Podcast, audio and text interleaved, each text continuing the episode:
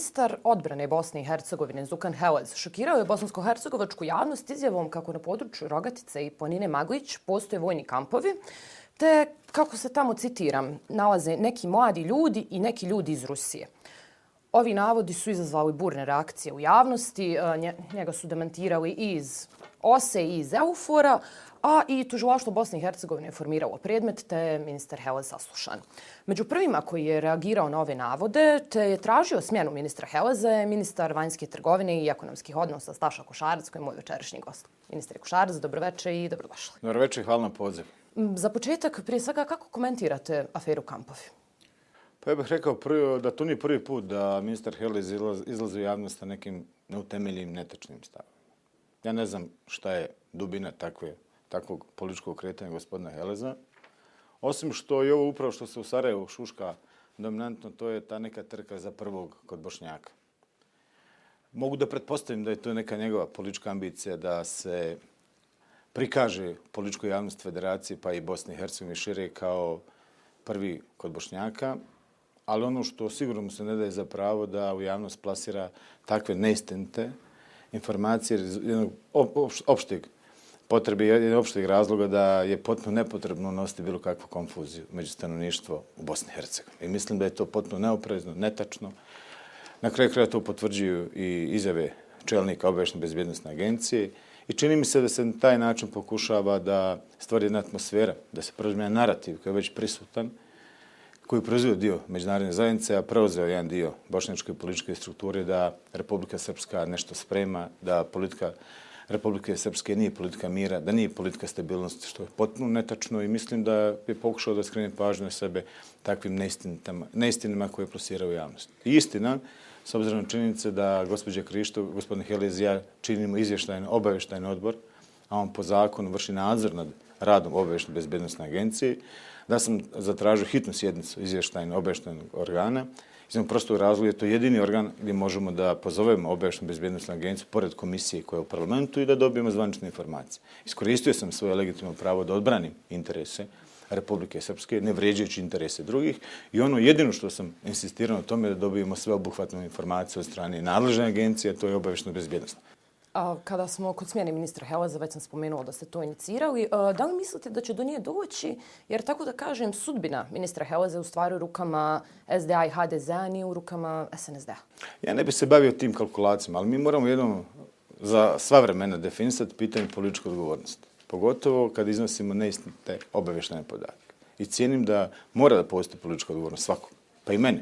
Kada god iznesem bilo kakve neistinite obaveštene podatke, treba da odgovaram ne može niko u ovoj zemlji, ma iz kojih razloga, da u javnost plasira neke informacije koje nisu tačne i iz tog aspekta cijenim značajnim i važnim da prepustimo to naložnoj agenciji koja treba da utvrdi tu vrstu stavova i da onda o tome se referiraju izvještajni obještajni organ i Narodna komisija koja vrši nadzor nad obještajnom bezbjednostnom agencijom. Mislim da je ovdje prije svega preuzeti narativ potreba od strane dijela međunarodne zajednice, prije svega američkog ambasadora i nekih drugih, da putem diktata preko određenih političkih predstavnika nastavi jednu vrstu priča, floskula, prazne, neistinitih, netečnih na teret Republike Srpske njih institucije. Um, Kako vi komentirate činjenicu? Evo, e, ministar Helaz je također zatražio dosje da mu se dostavi informacija. E, citiram, da li raspolažu podacima da na teritoriji Republike Srpske postoji 120 parađemata i da li raspolažu podacima na da na teritoriji Federacije postoje čelije Al-Qaide i ISIL-a? Prije svega, ministar Helaz ne može to da traži obavešno bezbjednostna agencija na takav direktan način, nego može da traži izvještene obavještene organa da on traži e, potpunu informaciju i mislim da je to pitanje ako želi da postavi to pitanje, to je pitanje upravo na, e, za izvještajni obještajni odbor, a ne direktno obještajni bezbjednostni agenciju. Ali i to razumijem kao potrebu preuzmanja, opet naglašavam određenih vrsta narativa i potreba za obračunima. Na političkoj osnovi vjerovatno je međunarodna zajednica primijetila da gospodin Helez ima taj kapacitet da prihvati sve što mu se kaže da kaže u javnosti, pa makar to bilo i netačno.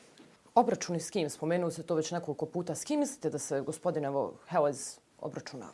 Pa prije svega sami sobom iz aspekta nekih ličnih političkih ambicija. Ali to je njegovo elementarno ljudsko pravo. S jedne strane... Ok, to je lično, ali... Da, s druge strane mislim da postoje unutrašnji turbulenci u nekim partijama koji čine danas partnere na nivou zajedničke institucije i da kroz najebene kongrese tih političkih partija se pokušava koristeći ime Milorad Dodika, koristeći Republiku Srpsku, koristeći preuzete narative međunarodnog faktora, postići što je veću mobilnost i podršku u straničkim strukturama.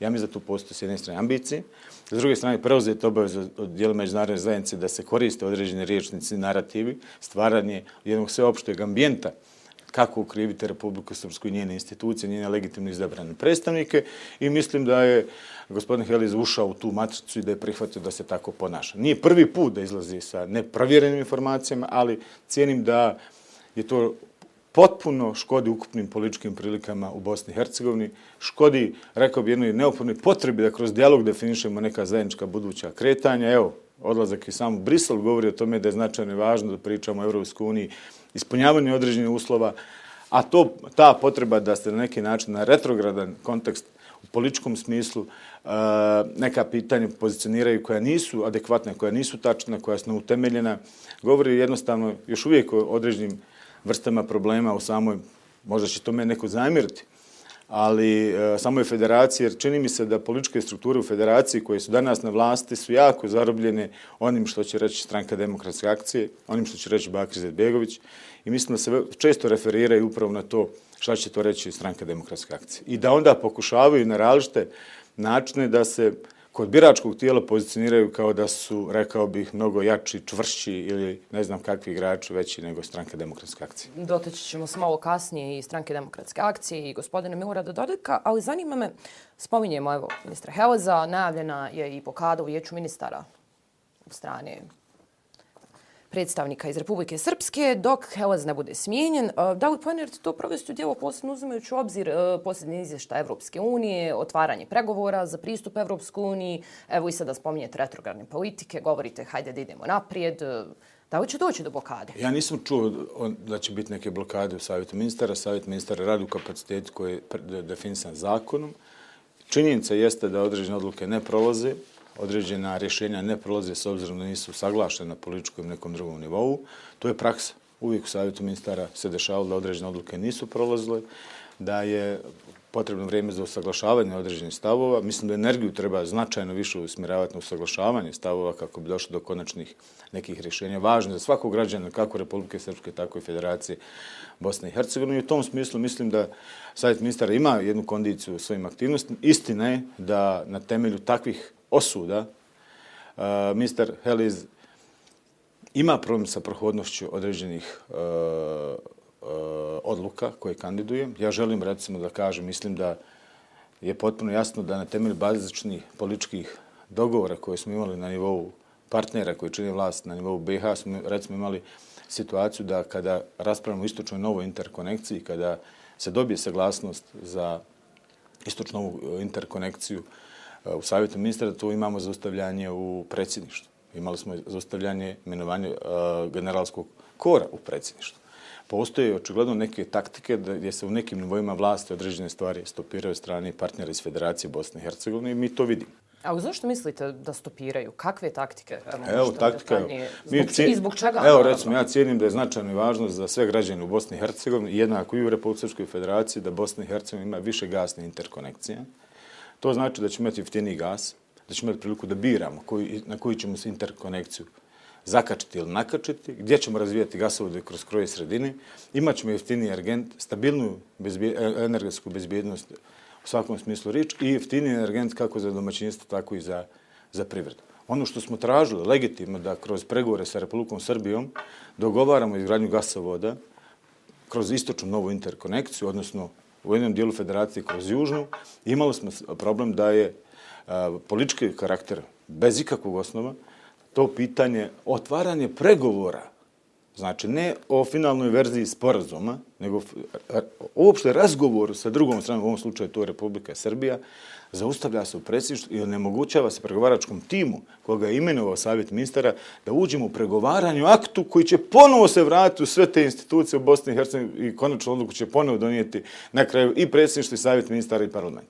Pa nego šta je nego blokade? Ali, evo, zbog čega? Koja je to taktika koju spominjete? Ja vjerovatno očigledno neki po, imaju potrebu da određeni investicioni projekt u Republike Srpskoj zaustavi. Kako na domaćem planu, tako i međunarodnom. Ovdje vidljivo da na lokalnom političkom planu kroz predsjedništvo Bosne i Hercegovine, trojka blokira istočnu novu interkonekciju, a da pri tome Republika Srpska ne blokira južnu interkonekciju. E, kada smo već kod trojke, e, vaš stranački šef i predsjednik Republike Srpske, gospodin Milorad Dodik, je nebrojeno puta ponovio kroz nekoliko posljednjih godina da je sa strankom demokratske akcije nemoguće raditi. Da je bilo nemoguće postići bilo kakav dogovor. Uh, da su uslovno, evo, spominjemo i projekte, da su oni uslovno i namjerno kočili neke projekte. A kako vi komentirate izjavu e, vaše kolegice, stranačke kolegice Snježane Novaković-Pursać, da ćete možda trojku zamijeniti sa SDA? Pa ja bih prije svega rekao da je veoma teško usaglašavati određene procese, da veoma često postoji visok stepen nerazumijevanja, pa čak postoji i izričito odbijanje da bilo čemu govorimo. Evo, nerazumijevanje od strane trojke ili SDA, samo da razjasnimo. Bez obzira, možemo da posmatramo na različite načine, ali cijenim da je veoma važno iznijeti argumente i argumentima zagovarati određena rješenja. Ja, kao resorni ministar, već u drugom mandatu intenzivno radim s entitetskim ministrima i značajno energiju ulažem na usaglašavanje određenih stavova i vjerujem da je neophodno držati otvorenim dijalog o mnogim pitanjima ne, ne, ni nekakav način sa nekim nametnutim, a priori odbačenim, ali vidljivo da postoji jedna ozbiljna sinteza politike i trojke i stranke demokratske akcije koja se odnosi na Republiku Srpsku i njene, rekao bih, ambicije i potrebe. A, kakva je to sinteza s obzirom da evo, trojka i lideri trojke, stranaka trojke uvijek naglašavaju da odstupaju od politika SDA i politika koje je zagovarao gospodin Bakir Je li baš to tako? Možda nekada. Istina je da u nekim fazama smo lakše pregovarali sa trojkom, da smo došli do nekih rješenja koja je značajna za Republiku Srpsku. Možda je trojka u tim aktivnostima pokazala uh, jednu vrstu veće spremnosti za dogovor. I danas ja moram kažem da postoji nivo političke komunikacije mnogo bolje nego što je to bilo za vrijeme SDA.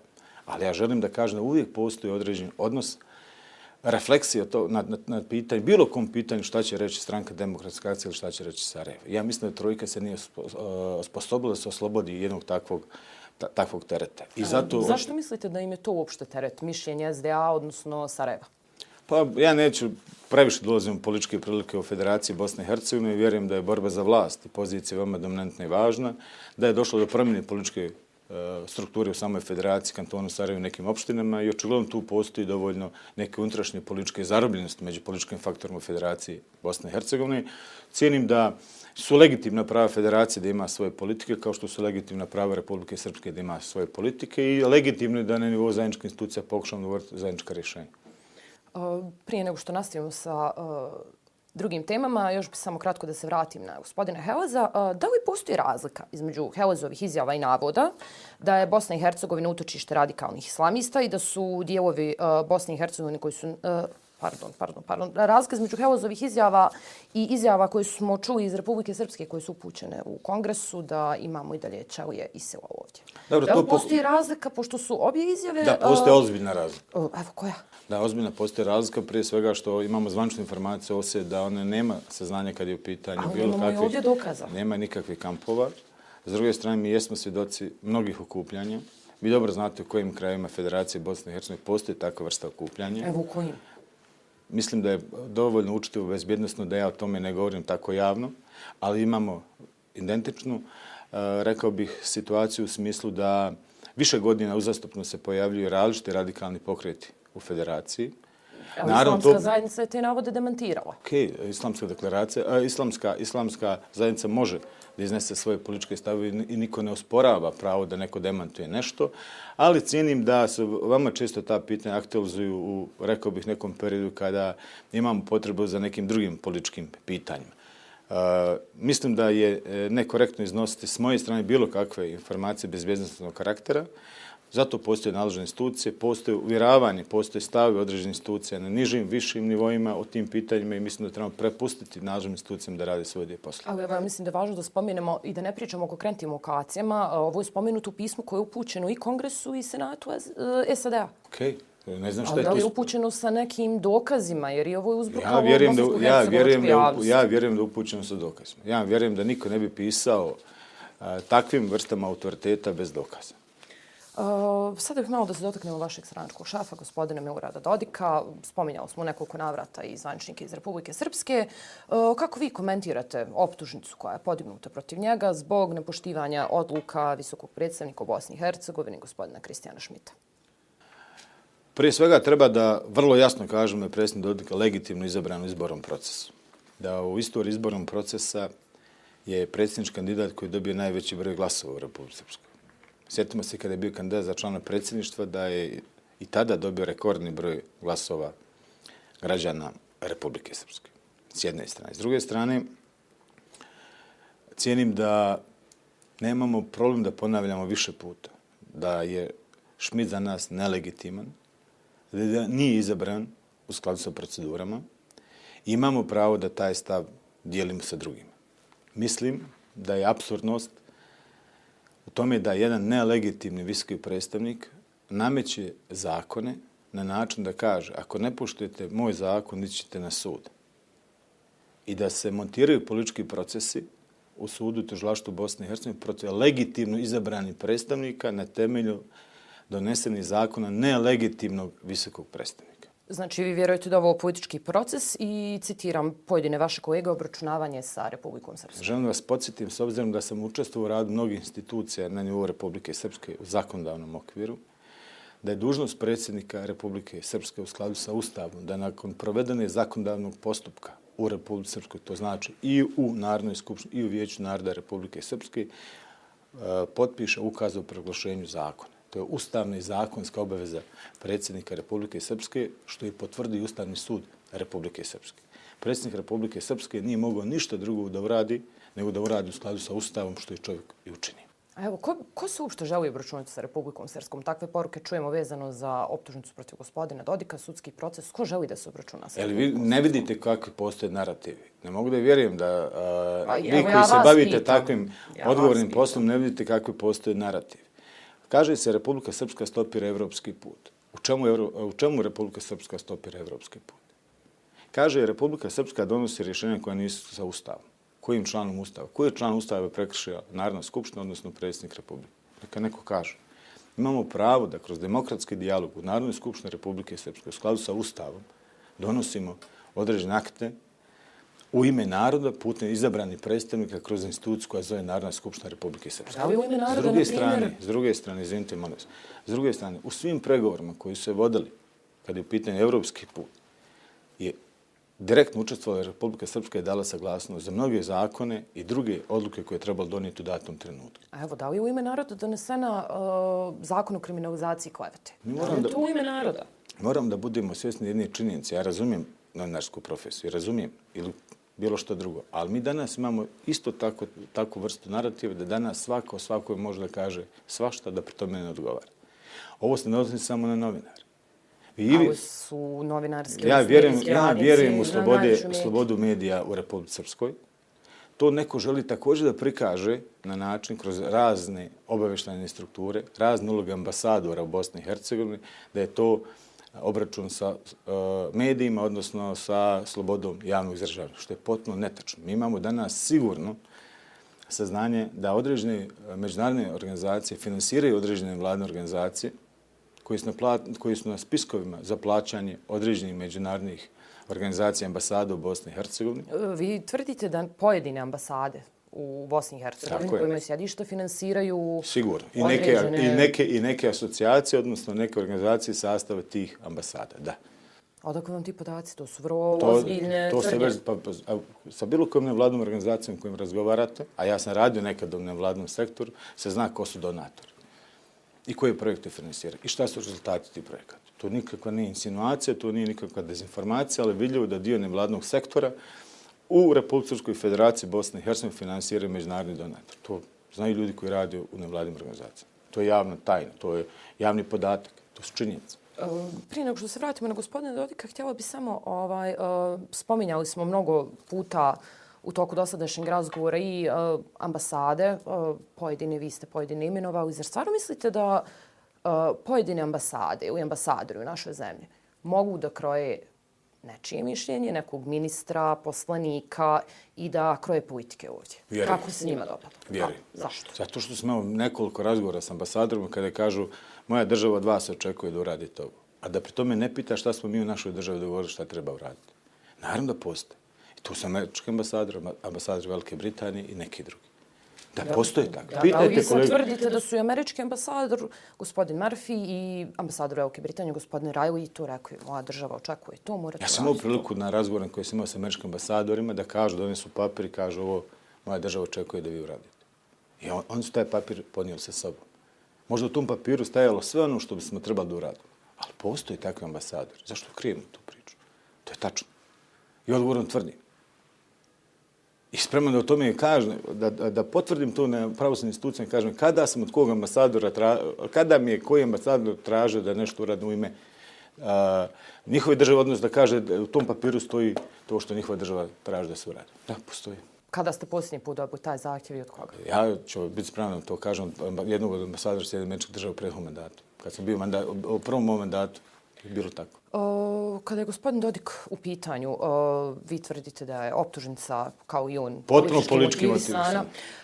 S jedne strane, gospodin Dodik stalno govori da ne priznaje sud Bosne i Hercegovine, a da je to nelegalna i nelegitimna institucija, citiram, a ipak se pojavljuje na ročištima. Da to nije malo kontradiktorno Nije. za njegove stavove. Nije kontradiktor. Prije svega Ustav Bosne i Hercegovine nigdje ne piše da postoji sud i tužilaštvo Bosne i Hercegovine. Pokažite. Ne vi, naravno, nemojte pošli me razumijeti, nego bilo ko drugi neka pokaže gdje stoji. Druga stvar, da bismo delegitimisali takvu instituciju, vama je značajno i važno i samo i takvu instituciju reći ono što misliš. U čemu je problem ući u instituciju i reći ono što misliš o toj instituciji? To predsjednik Dodik koristi kao svoje pravo. I ja bi to isto uradio. Mm, da li je ušao da kaže šta misli o instituciji na prvom ročištu ili to je ipak bilo ismijavanje sutkinje i svega što je bilo? Ja ne vidim da je bilo potrebno. Ne vidim na temelju čega je neko to može da karakteriše kao ismijavanje sud, uh, sutkinje. Ja ne znam. e, Ja sam bio u sudnici. Da, ja sam bio u sudnici. Ja sam bio u sudnici. Pa naravno, kad ne postoji ustav, izvinite, molim vas, da li postoji? Evo dajte da vidimo gdje piše sud i tužilaštvo u BiH Ustav u Bosni i Hercegovini. U aneksu 4 Dejtonskog sporazuma. Ali opet zanimalo, Republika Srpska generalno kao entitet ne priznaje gospodina visokog predstavnika Kristijana Šmita, ali opet zbog njegove odluke, nepoštivanja tačnije njegove odluke, je podignuta optužnica. Pa ja vam govorim o jednoj ozbiljnoj anomaliji u Bosni i Hercegovini. Bilo je logično da partneri iz federacije isto to kažu što i mi. Ako nije izabran u skladu sa procedurama, a nije, da ne može nametati zakon. Zašto traže se partnerstvo sa nelegitimnim visokim predstavnikom, ignorišući legitimno izabrani predstavnik jednog od konstitutivnih naroda? Ali evo i gospodin Jose Borelj i drugi visoki evropski zvaničnici tvrde da je izabran u skladu sa procedurama. Dobro, oni Da je Jel imamo dokument koji ukazuje To je činjenicu da je bilo i u odgovoru gospođi Cvjanović. To govori o određenoj vrsti političkih sinteza o kojima se mi malo čas govori. Ja sam bio na odboru za stabilizaciju i potraživanje kada sam o tom pitanju govori, rekao da ne postoji, da to nije normalno, da tražno se te greške ispravi. Da li uopšte u ovoj zemlji nam treba OHR? Da li nam treba visoki predstavnik? Zašto ne firšamo svi zajedno, a to je fundamentalan stav Republike Srpske dosljedne primjene Dejtonskog sporazuma? zajednica dva entiteta i tri konstitutivna naroda. U čemu je, zašto će nam stranci? Zašto, je- zašto je negativna politika Republike Srpske kada kažemo dajte da sjedimo za stoj da se dogovorimo mi bez stranaca? Zašto će nam stranci u Ustavnom sudu? U kojoj to još zemlji koja je na evropskom putu jesu stranci u, evropskom, u, u, u bilo kojoj instituciji ili evo u Ustavnom sudu? Zbog šta je problem da imamo zakon u Ustavnom sudu BiH u kome neće sjediti stranci, u kome će sjediti građani Bosne i Hercegovine koji ispunjavaju zakon predviđene uslove? Jednostavno, dajte da to riješimo. Da Vi dobro znate... Hercegovina spremna da... A zašto nije? Zašto smatramo da, zašto smatramo da, da, A zašto da, smatramo da jeste? Ja mislim da treba konačno shvatiti da je jedno rješenje u Bosni i Hercegovini dogovor dva entiteta i tri konstitutivne naroda, odnosno njihove legitimno izabranih predstavnika kroz institucije bez utjecaja stranaca. Ja sam danas imao sastanak s nekim evropskim zvaničnicima gdje sam to ponovio. On nas ohrabruju, ali ujedno i nameću. Nemojte nas na takav način ohrabrivati. Dozvolite da mi određena pitanja riješimo u ovoj zemlji kroz dogovor i dijalog naših legitimno izabranih predstavnika, dva entiteta i tri naroda. I kada to iznesete evropskim zvaničnicima, koji su njihovi replike, odgovori, sugestije? Ja razumijem da svako ima svoj narativ i svoju priču. Ja razumijem da svako ima svoju agendu. I to je legitimno da neko ima svoju agendu. Jednostavno, mi moramo biti svjesni činjenice u stanju kako jeste u Bosni i Hercegovini. I mislim iz tog aspekta, iz aspekta ustavne pozicije Bosne i Hercegovine, iz aspekta sadržaja Dejtonskog sporazuma, da ga trebamo afirmisati i raditi u skladu sa Dejtonom i da za sporna pitanja međusobno sjedimo i razgovaramo, a ne da bilo ko traži partnerstvo u strancima da bi se činio jačim i da bio možda eventualno dominantniji u nekim, u nekim, nekim pitanjima. Ja mislim da nas to usporava. To je moje mišljenje. Evo, vi ste prokomentarisali i naveli nekoliko puta da Republika Srpska samo želi da se poštuje Dejtonski mirovni sporazum. S druge strane, kako komentarišete sankcije sad takozvanu američku crnu listu, na njoj je odavno već i predsjednik Republike Srpske Milorad Dodik, sada i članovi njegove porodice, ali i kompletan politički vrh Republike Srpske. Razlozi, kao što sam spomenula, više manje isti, podrivanje detonskog mirovnog sporazuma, korupcija, narušavanje suvereniteta i integriteta Bosne i Hercegovine. Pa prije svega opet kao model Sjedne američke država da žele na svaki mogući način druge da prelagode njihovim politikama. I to je dodatni pritisak dodatna potreba se pokaže snaga Amerike. Mi jesmo svijest snage Sjedine američke države i uvažavamo kapacite Sjedine američke države. Ali uloga određenih ambasadora u proizvodnji određenih odnosa, politika, pogrešnih narativa, pogrešnih prevoda određenih, evo neka kaže u čemu je Milorad Dodik prekršio ustav Janex 4 Dejtonskog sporazuma. Evo prilike neka kaže, bez nekih floskula širih. Taj, taj član ustava, Bosne i Hercegovine, odnosno član aneksa... O, objašnjenje su vrlo detaljno navedena zbog čega su uvedene sankcije gledaj, i članovima njegove porodice. Mislim da afirmacija sankcije bilo kome u Bosni i Hercegovini, samo Bosnu i Hercegovini svaljuje veći kanal i veći problem. Ja mislim da, nema, da neće ništa biti a, sretnija Republika Srpska ako nekom se nesu, donesu sankcije u Federaciji Bosne i Hercegovine. Ali mi imamo s druge strane očigledno horski aplauz kada se nekom iz Republike Srpske uvedu sankcije sa nivoa Federacije Bosne i Hercegovine. Ja mislim da je to loše. Doći naredi neki drugi koji danas aplodiraju sankcije Milorada Dodiku. Sigurno onda kada pokažu svoj karakter. Milorad Dodik pokazuje svoj politički karakter. Njemu politički karakter kreira stanovništvo i građani koji mu daju podršku. Izborni proces, legitimno izabran. Njegove politike su legitimne, one su legalne, one su verifikovane kod stanovništva. A da, A trebalo bi ga modelirati. Trebalo bi, trebalo bi ga modelirati onako kako odgovara nekom američkom ambasadoru, nekom epizodisti u Bosni i Hercegovini. Milorad Dodik nije epizodista u Bosni i Hercegovini. Da, i nekim drugim članovima institucija Republike Srpske su uvedene sankcije iz istog razloga. Evo je članci predsjedništva. Da, zašto? zašto? Zato što svoj posao radi u skladu sa zaključima Narodne skupštine Republike Srpske. A ne, nema korupcije tu vezano. Čemu korupcija? Slično. Korupcija, politička korupcija. Kakva politička korupcija? Pa mi neki danas imali pres konferenciju. Djeca gospodina Milorada Dodika Šta? su završila na sankcijama, kako se, na listi sankcija, kako se navodi zbog... Jel vi znate djecu uh, Milorada Dodika? Lično ne. Ja lično da. Ja prije odbacim bilo kakvu njihovu povezanost uopšte u tom kontekstu. Ljudi se uopšte ne bave tim pitanjem. Ali im neko crta metu, kao i nekim drugima nekada kada s čitavim porodicama stavljali američke ili neke druge sankcije. Čemu to? Nego dodatan politički pritisak siguran dodatni politički pritisak. Znači, vi smatrate da su sankcije sada upućene prema zvančnicima u ORS-u, ali evo, ako da, da kažemo u federaciji, politički pritisak. Sigurno. Ako ne slušaš, dobit ćeš sankcije. Ako ne, ne klimaš glavom, dobit ćeš sankcije. A ja ću naći način, naći obrazloženje da kaže zbog čega ja sam tu veo sankcije. Da. Čeme, kome, kome sankcije mogu donijeti nešto dobro? Kako se ja mogu radovati bilo kao i vašoj kazni? A utiču li sankcije na Republiku Srpsku? U kom no. smislu? ekonomskom smislu, političkom smislu, na kraju dana što je možda i najbitnije na život običnog građana? Prije svega utiču u tome da smo istrajni našim političkim namjerama, da gradimo Republiku Srpsku, da razvijemo njene, njene demokratske kapacitete u skladu sa Ustavom, da štitimo naš interes kroz djelovanje ovog zajedničke institucija, da okupljamo građane i ljude oko ideje koje zove Republika Srpska. I nemamo da problem. Da sa finansijskog aspekta, ovo posebno pitan, kao što sam već rekla, zbog građana, zbog života Prije svega, prema, običnog... prema podacima kojima ja raspolažu institucija Republike Srpske, a vjerujem da je javnost je često uh, informisana o statističkim podacima i bilansnim stanjima, da je Republika Srpska stabilna, ekonomski i svaki drugi način. Da, naravno, postoji oni koji pokušavaju da prikažu drugačije stanje, kako bi izazvali revolt građana, sindikata, neke druge grupa i tako dalje, kako bi oslabili institucije i kako bi drugačiju sliku stanje o Republike Srpskoj plasirali u javnost. Naravno da postoji... A sa fondovima koji su stopirani da, strane Evropske pa, unije... Upravo to, pa, upravo to. To, to je ipak novac... Drago mi je što mi to postavljate pitanje. Znači, to je političko uslovija. Mi kažemo, svaki put kada pregovaramo sa evropskim zvančnicima, to sam rekao i malo pre, i sa nekim drugima postoji potreba kaže ako budeš dobar momak i uradiš ovo što ti mi kažemo, dobiš to vas sredstvo. A onda bismo mi trebali da damo jel, tako, prolaznu ocenu za i pro, eh, propustnost odluka na zajedničkom nivou da se samo novac dodijelje u jednom dijelu Bosne i Hercegovine. Ovdje je vidljivo da se pokušava na različit način Republika Srpska kroz upravo finansijske podrške određenih evropskih institucija da dovodi u kontekst da mora da prihvati onakvu politiku kakvu nameću određene evropske zemlje ili Evropska unica. Što u suštini nas... vi želite da kažete da o, oni traže od vas da budete poslušni, tako, tako. da se izrazimo. Mi, mi hoćemo da budemo partner.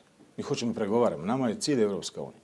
Mi hoćemo temelje argumenta, činjenica da budemo partner sa Evropskom unijom prije svega primarno zaštitimo interese naših ljudi, naših građana, naše privrede, ali isto tako da u paketu zajedno sa zemlje Zapadnog Balkana mi postanemo članice Evropske unije. Mi ne bježimo od toga da damo konstruktivan doprinos. Svaki put kada Republika Srpska dostavlja, evo, sjetimo se prvog plana deeskalacije posle sastanka u Konizu, je to dosta SNSD i rekao tada, dajte da nastavimo da radimo na ispunjenju 14 ključnih prioriteta u paketu, uključujući i Ustavni sud, što proizilazi iz 14 zakona. Na kojem insistirate? Zašto se nije ušlo to? A onda se kaže, znate šta je Republika Srpska nešto hoće da blokira. Šta? Evo šta? Evo, vi ste za put ka EU, za članstvo Evropske unije, ali to povlači članstvo u NATO savezu. Ne povlači, gdje piše? Mi smo već uslovno rečeno pod NATO kišobranom. Zato nema... Niko ne bježe od saradnje a integracija nema. Zašto ne? Zašto ste protiv toga? A ja bih volio, cijenim ja da imamo različite mišljenja. NATO je prvi izvršio agresiju na srpskom stanovništvom u istoriji postojanja NATO. Četiri tone u siromašnim uranima je pušteno na građane Republike Srpske. A to ćete još da pričam kakve su danas posljedice tog stanovništva. Pa tako posljedice stanovništva, takve posljedice danas trpe građan Hadžića u federaciji, samo se o tome čuti. Dobro, onda možemo postaviti kontrapitanje da li je u Srebrenici bio genocid. Možemo mi postaviti pitanja različitih dimenzija i možemo se stalno vrti u krug. Ja cijenim, ja ne želim da umanjujem ničiju bol. Ja ne želim da umanjujem ničiji zločin. Ja sam bio taj koji više puta tražio od svojih kolega da zajednički kažem vrlo jasno, univerzalan pristup ratnim zločinima u Bosni i Hercegovini. Nismo uvijek imali takvo razumijevanje u dijelu Federacije Bosne i Hercegovine. Može neko da se ljuti, može neko da se ne ljuti ali cijenim da nemam pravo da umanjujem... A kako mislite univerzalni nemam, pristup? Nemam prava da umanjujem ničiju bol. Niti da, želim. Da li može postati uopšte univerzalni pristup? Da su Mislim da trebaju da svi oni koji čini ratne zločine odgovaraju. To je univerzalni pristup. Evo, da se malo odmaknemo od politike. Pitanje Trgovske gore. Dobro. Također je nešto što je značajno pitanje za Bosnu i Hercegovinu, izazvalo je mnogo kontroverze, uh, pobunila se javnost, tako da kažem. Uh, vi ste skoro organizirali sastanak koordinacijnog tijela za ovo pitanje. Šta se dešava sa Trgovskom gorom? Mi smo u tom mandatu, čini mi se, 2019. zatakli jedno potpuno haotično stanje. Hrvatska je već imala određene akte koje je osvojio Hrvatski sabor, I Hrvatska je potpuno ignorisala Bosnu i Hercegovinu u tom procesu, iako nije smjela, s obzirom da je ona potpisnica kao i Bosna i Hercegovina ESPO konvencije. Nije bilo komunikacije, cijeneći ulogu zelenog kluba u parlamentarnom skupštini Bosne i Hercegovine, moje komunikacije sa nekolicinom poslanika iz zelenog kluba, koje sam primio u svom kabinetu, procijenili smo vrlo značajnim i važnim da to pitanje stavimo na nivo savjeta ministara. Zatekao sam eh, tada samo jedan papir o kabinetu koji se odnosi na trgovsku goru i procijenili smo da to pitanje otvorimo zajedno s entitetskim ministrima s obzirom da je riječ o zaštitu životne sredine, zdravlje ljudi i tako dalje, što je primarno ustavno. Odlaganje nuklearnog otpada u stvari pitanje trgovska gora. I vrlo zajednički smo dogovorili za, tada sa ministrima vlade Republike Srpske i vlade Federacije Bosne i Hercegovine da formiramo koordinacijani no, tijelo na nivou savjeta ministara kojom participiraju entitetski predstavnici, direktor neke agencije i da jednostavno pokažemo Hrvatskoj našu potpunu mobilnost po tom pitanju. Uspjeli smo da formiramo ekspertski pravni tim, uspjeli smo da objezdimo finansijska sredstva u budžetu institucija Bosne i Hercegovine, u budžetu Republike Srpske i u budžetu Federacije Bosne i Hercegovine. Na temelju e, zadataka koje je Savjet ministara naložio koordinacijom tijelu pravnog tima, izradili smo strategiju pravnog djelovanja, izradili smo akcijni plan e, ekspertskog tima koji je podijeljen sa entitetskim strukturama gdje su entitetske strukture preuzele agendu ekspertskog tima Bosne i Hercegovine i svako na svojoj teritoriji po agendi ekspertskog tima Bosne i Hercegovine vrši istraživanje.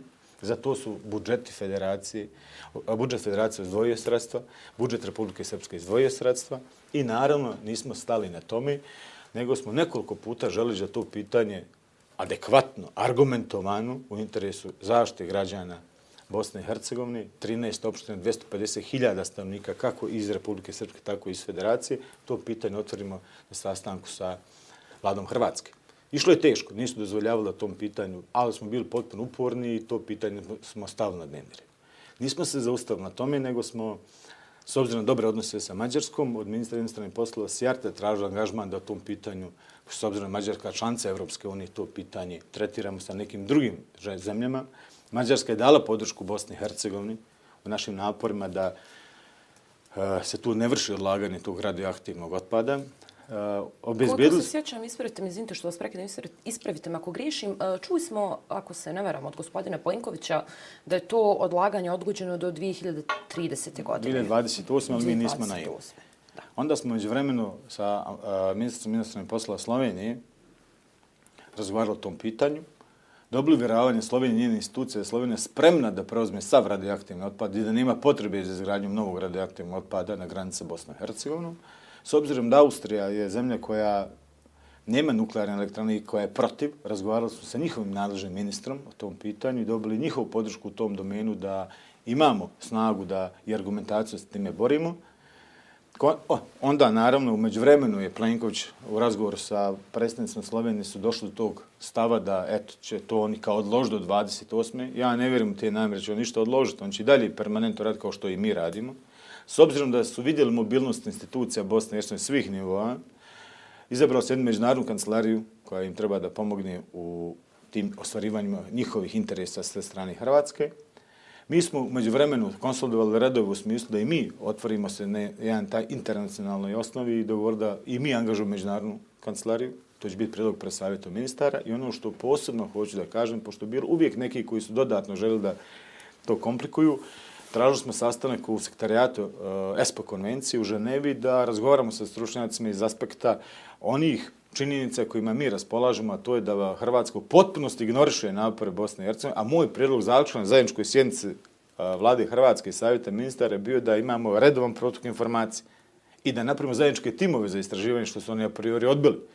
Konstatovan da Bosna i Hercegovina uopšte nije zakasnila, da Bosna i Hercegovina ispunjava preuzete obaveze iz ESPO konvencije i mi ćemo sigurno s ovim aktivnostima kada je pitanje Trgovska gora nastaviti, jer cijenimo da je značajno i važno sačuvati zdravlje tih ljudi, prirodne ljepote Republike Srpske federacije i na kraju kreva jednostavno onemogućiti... U stvari, nastavit ćete inzistirati na tome na da ne dođe do na isti, na isti način, istog intenziteta i već mislim da ćemo na sljedećoj sjednici raditi jednu dopunu ekspertskog tima i da ćemo predstaviti ministara izaći sa prilogom angažmana jedne međunarodne komisije, jedne međunarodne ekipe koja neće puno koštati, ali već ćemo imati obezbiđena sredstva koja bismo mogli završiti transfer kako bismo imali tu vrstu podrške kada je pitanju e, naš svi naprke Trgovske gore u pitanju. Ono što vjerujem da zanima sve naše gledatelje i građane Bosne i Hercegovine, posebno uzimajući u obzir inflaciju, e, rast cijena, e, gdje najviše Bosna i Hercegovina izvozi, odakle najviše uvozimo, koja dobra su u pitanju.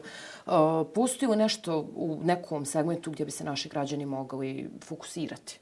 Da im je, da fokusiraju svoje poslovanje prema tu ili, na primjer, proizvode koje proizvode i sl. Ja mislim da imamo jako vrijedni ljudi. To Mislim da imamo ljude koji su spremni da se adaptiraju na nove uslove. Ljudi koji su spremni da preuzmeju standarde. Imamo prave borce u realnom sektoru. To potvrđuju i statistike. Da naši ljudi, kako u Republičkoj, tako i u Federaciji, koji se bave određenim poslovnim aktivnostima, preuzmeju standarde zemalja i oni tržišta gdje žele da plasiraju svoje proizvode i ono što je značajno i važno da se etabliraju i ostaju na tim tržištima. Ja često imam kontakte s tim ljudima. Cijenim da moram da čujem što oni misle, šta je to što institucije treba da uradi kako bi oni još bili bolji. I šta najčešće čujete od njih? Šta vam kažu? Kažu da im trebaju nova tržišta, da im trebaju novi postajne mjere koji su mandatu entiteta, da traže jači inspekcijski nadzor nad robama koje se uvoze u Bosnu i Hercegovini. Sjetimo se samo situacije kada smo željeli da zaštitim naše primarne poljoprivredne proizvođače, kada sam predlagao uđenje prelimana i carne na sveže raslađe meso, jer jedino Bosnu i Hercegovini možete uvezeti sveže raslađe meso iz Evropske unije bez jednog fenog opterećenja. Hrvatska, a pardon, e, Srbija, Crna Gora, Sjeverna Makedonija imaju određene vrste opterećenja i zato i razvijaju svoju primarnu proizvodnju. A gdje najviše cijenim da, cijenim da imamo, i to javnost treba da zna, imamo četiri ugovora o slobodnoj trgovini. To je ugovor eh, SSP, to je s Evropskom unijom, CEFTU, EFTU i Torsku. U bilansima i analizama negde oko 63% izvoza se odnosi na zemlje Evropske unije. I dominantno su to zavisnosti od godine do godine Austrija, Italija, Njemačka, Hrvatska, posljednje vrijeme je dominantno. Kad su pitanje zemlje CEFTA, to je Srbija, kao jedan od ključnih spoljnotrgovinski partner iz te grupacije tog ugovora. Tu su odnosi neki, čini mi se, 20 procenata spoljnotrgovinske razmjene sa zemljama CEFTE i sa ostatkom svijeta, svijeta negdje čini mi se 18-19% je nešto sa Turskom. Ono što se vidi i o čemu razgovaram sa predstavnicima komorskog sistema Federacije Srpske i Bosne i Hercegovine jeste da vidimo na koji način možemo se adaptirati i da prihvatimo standard i uslove kako bismo našim građanima, odnosno našim privrednicima, omogućili plasmani i prisutnost nekim drugim tržištima, osim tržišta Evropske unije, CEFT, FT i Turske. Oh. I za to postoji jedna velika zainteresovanost poslovne zajednice. A kad spominjete druga tržišta, da li mislite na o, tržište Kine, pošto ste evo, pokrenuli inicijativu za potpisivanje ugovora o slobodnoj trgovini i sa njima? Mi smo još pokrenuli, o tome e, razgovaramo, cijenimo da bismo mogli da omogućimo vrlo efikasnu politiku ulaganje u Bosnu i Hercegovini na način da ukoliko Bosna i Hercegovina ispregovara sa Kinom ugovor o slobodnoj trgovini, što je tu radila nedavno Srbija i potpisala sporazum o slobodnoj trgovini, to bi značilo praktično da one zemlje koji nemaju ugovor uh, o slobodnoj trgovini sa Kinom će investirati u Bosnu i Hercegovinu svoje kapacitete proizvodne, zapošljavati naše ljude i izvoziti robu po toj vrsti režima slobodne trgovine sa Kinom. Naravno, kineska ekonomija je mnogo jača. Postoji kod nas strahovi. Ako otvorimo toliko tržište, možda će nas preplaviti određeni kineski proizvod. Ali isto tako ćemo omogućiti da zemlje Evrope ili nekog drugog dijela svijeta koji nema ugovor sa Kinom o slobodnoj trgovini, omogućimo da instaliraju svoje proizvodne kapacite ovdje i zapošljavaju naše ljudi. To je proces. To je jedna od ideja koji zaista želim da prije svega dominantno razgovaram sa poslom zajednicom, komorskim sistemom. Naravno, ja govorim... Očekujete li pozitivan odgovor od njih? Razgovarat ću.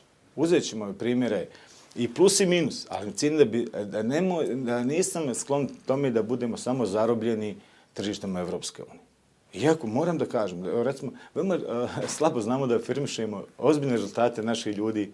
Pa recimo, Nike kopačke se za evropsko tržište proizvode Kotor Varoš. Ko to danas zna? Ili ne znam da imamo vrlo sposobne ljude u metalskoj industriji koji rade za ozbiljne proizvođače u automobilskoj industriji. To se proizvodi kod nas. Mislim da trebamo da čujemo i šta ti ljudi kažu. Ja u svom formatu svojih sastanaka i aktivnosti tražim jednu novu energiju tih ljudi, naravno pojačanim institucijama, da vidimo Da li i koja stoji još? Recimo imamo uh, interesovanje značajnog dijela kompanije iz federacije da otvorimo tržište Sjeverne Afrike. Ja cijenim, nedavno su kolege iz ministarstva uh, po mom nalogu odšli u Egipat da razgovaramo o tome kako na koji način da naprijedimo tu vrstu saradnje. U jedne Arabske Emirati, recimo, uh, jedne Arab, ja sam nedavno bio u Dubaju, oni su zainteresovani da uh, potpišemo sporadnu zaštitu javnih, e, zaštiti e, investicija u Bosni i Hercegovini i spremni da investiraju jednako i u Republiku Srpsku i Federaciju Bosne i Hercegovine. Naši ljudi zainteresovani da izvoze u jedne Arabske Emirate. Danas se vraća ekipa iz Ministarstva spoljne trgovine koja će da pregovara finalnu verziju memoranduma o zaštiti strane investicije. Moramo tražiti, pa ćemo vidjeti da li postoji mogućnost. Ali dajte da ponudimo našim ljudima više tržište. Ne kažem samo Evropsku uniju ili samo CEFTA. Da ponudimo više opcija, pa biraju to. Tako je. Ministre, hvala vam puno što ste bili moj večerašnji gost i što ste izdvojili vrijeme. Hvala vam, hvala na pozivu. Nema na čemu. Dragi gledatelji, bilo je ovo još jedna crvena olovka na Avaz TV-u. Vi budite sa nama i sljedeće sedmice, a ja vam želim ugodan ostatak večeri i laku noć.